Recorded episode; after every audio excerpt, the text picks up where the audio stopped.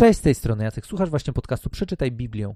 W rok dzisiaj jest dzień 31 i czytamy Księgę Wyjścia rozdziału 39 i 40 i tym samym dzisiaj kończymy czytanie Księgi Wyjścia. I domyślam się, że jeżeli rzeczywiście czytasz Biblię od początku raz, razem z nami i przebyjesz się przez Księgę Wyjścia, to co najmniej masz już kilka znaków zapytania i być może zastanawiasz się, dobra, z jednej strony coś tam kojarzę odnośnie tego, jak ta historia dalej się rozwinie przez pryzmat chociażby tego, z czym spotkałem się na lekcji religii, przygotowaniu do bierzmowania, czy tam czymkolwiek innym, ale jednocześnie możemy sobie myśleć, czy ta historia naprawdę dla mnie jest aż tak szczególnie ważna. No bo o co chodzi z tymi prawami, o co chodzi z tym przybytkiem i w ogóle o co w tym wszystkim chodzi. Tym bardziej nasze wątpliwości może wzbudzić końcówka rozdziału 40, gdzie czytamy następujące słowa: Wtedy obok zakrył namiot spotkania, chwała Pana napełniła przybytek. Mojżesz nie był przez to w stanie wejść do namiotu spotkania, spoczywał na nim obok i chwała Pana napełniała przybytek.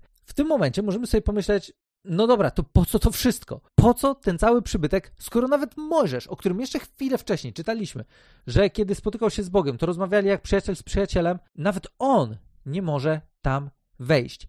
Jest to związane bezpośrednio z tym, o czym też rozmawialiśmy kilka odcinków temu, że Bóg jest święty, że Bóg jest osobą, która jest tak po, mocno poza naszą rzeczywistością, jeśli chodzi o kwestię swojej istoty, że nie możesz od tak zbliżyć się do Niego, pomimo tego, że mogłoby nam się wydawać, że możemy. Ale jednocześnie ten sam Bóg daje zadanie Mojżeszowi, żeby zbudować mu przybytek, bo zależy mu na tym, żeby być blisko ludzi. I ten problem, w jaki sposób do tego przybytku później wejść, w jaki sposób do tego Boga się zbliżyć, będzie rozwiązany w kolejnej księdze, księdze kapłańskiej, ale na teraz widzimy, że nie jest to wcale taka prosta sprawa, żeby do Boga od tak się zbliżyć, nawet jeżeli jesteś tak wybitną postacią, jaką jest Mojżesz. Ale jednocześnie ten przybytek jest czymś bardzo ciekawym, bo w Ewangelii według świętego Jana w pierwszym rozdziale czytamy takie słowa na temat osoby Jezusa, gdzie jest napisane, że Słowo stało się ciałem, pełne łaski i prawdy zamieszkało wśród nas i zobaczyliśmy Jego chwałę, chwałę jako jedynego zrodzonego, który pochodzi od Ojca. I być może myślicie sobie, no okej, okay, dobra, co to ma wspólnego z tą historią, którą teraz czytamy?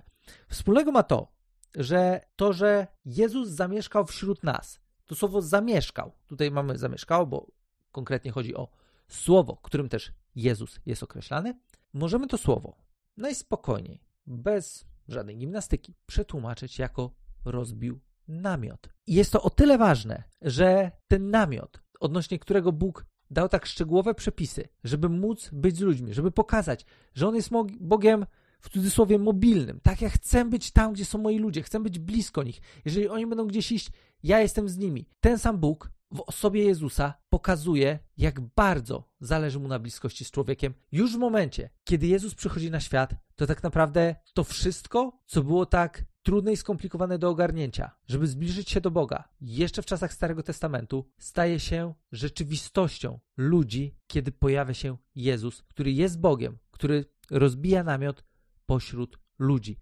I później, kiedy będziemy patrzeć na osobę Jezusa, to tak naprawdę zobaczymy, w jaki sposób Bóg chce swoją obecnością dotykać życia ludzi. Co Bóg chce, żeby wydarzyło się w życiu człowieka, kiedy on zbliży się do Niego. Bo ostatecznie to nie my jesteśmy tymi, którzy wybierają Boga, ale to Bóg wybiera nas po to, żeby pokazać nam, jakie życie przygotował dla każdego z nas, w jaki sposób chce, żebyśmy przez swoje życie mogli być odbiciem tego, kim On jest. I między innymi to była misja osoby Jezusa z Nazaretu, który kiedy przyszedł na świat, przyszedł, żeby pokazać, jaki jest Bóg, żeby pokazać tego Boga, żeby dać ludziom doświadczyć tego, że Bóg naprawdę jest dobry. I to, że Bóg jest dobry, będzie się jeszcze pojawiało wielokrotnie jako jeden z bardzo często pojawiających się określeń odnośnie Boga w Starym Testamencie. Kiedy później jednak spojrzymy na osobę Jezusa, który jest wcieleniem Bożej istoty, który jest Bogiem, który przychodzi na ziemię po to, żeby zamieszkać z ludźmi, to mamy idealny obraz tego, jaki jest Bóg. Przez tysiące lat, zanim pojawił się Jezus,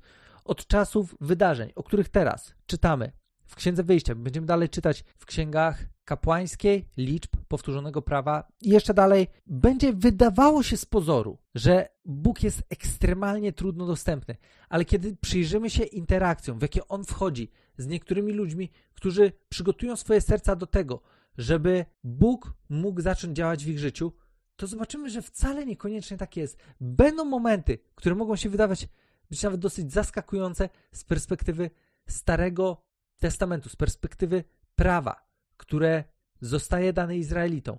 I to tak naprawdę będą rzeczy, które też później będą trochę oburzały niektórych w osobie Jezusa, bo tak naprawdę on nie będzie pasował do tego obrazu, który ludzie gdzieś sobie zrobili na temat Boga na podstawie tylko i wyłącznie Starego Testamentu, pomimo tego, że Jezus jest wypełnieniem całego Starego Testamentu. On jest osobą, w której doświadczymy kulminacji wszystkich wydarzeń, która pokaże nam namacalnie, jaki jest Bóg i jak Bóg wyobraża sobie wchodzenie w interakcję z ludźmi, którzy zdecydują się na to, żeby swoje życie związać z Nim, żeby Jemu zaufać i żeby pozwolić na to, aby to On nadawał kierunek ich życiu. Mam nadzieję, że Księga Wyjścia była dla Was ciekawą, wartościową lekturą. Jest tam masa historii, o których nie rozmawialiśmy w podcaście, na które być może zwróciliście uwagę. Kto wie, może w kolejnych latach do nich jeszcze wrócimy, jeżeli projekt będzie kontynuowany. Mam nadzieję, że jesteście wytrwali w czytaniu, ale wiem też, że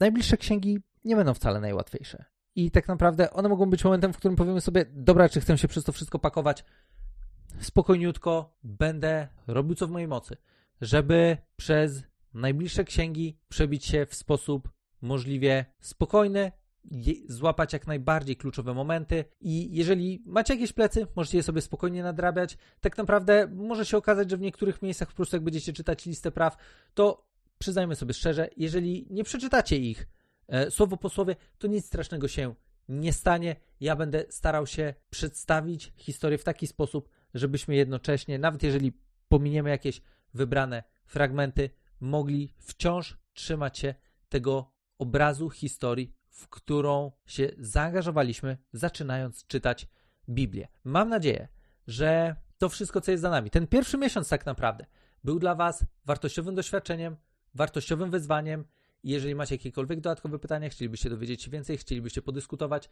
zapraszamy na grupę na Facebooku, wejdźcie na stronę bibliawrok.pl, zostaniecie przekierowani do grupy. To jest najlepsze miejsce do tego, żebyśmy mogli sobie porozmawiać, poznać się jeszcze lepiej, powymieniać uwagami i do usłyszenia już w kolejnym odcinku, tym razem w Księdze Kapłańskiej.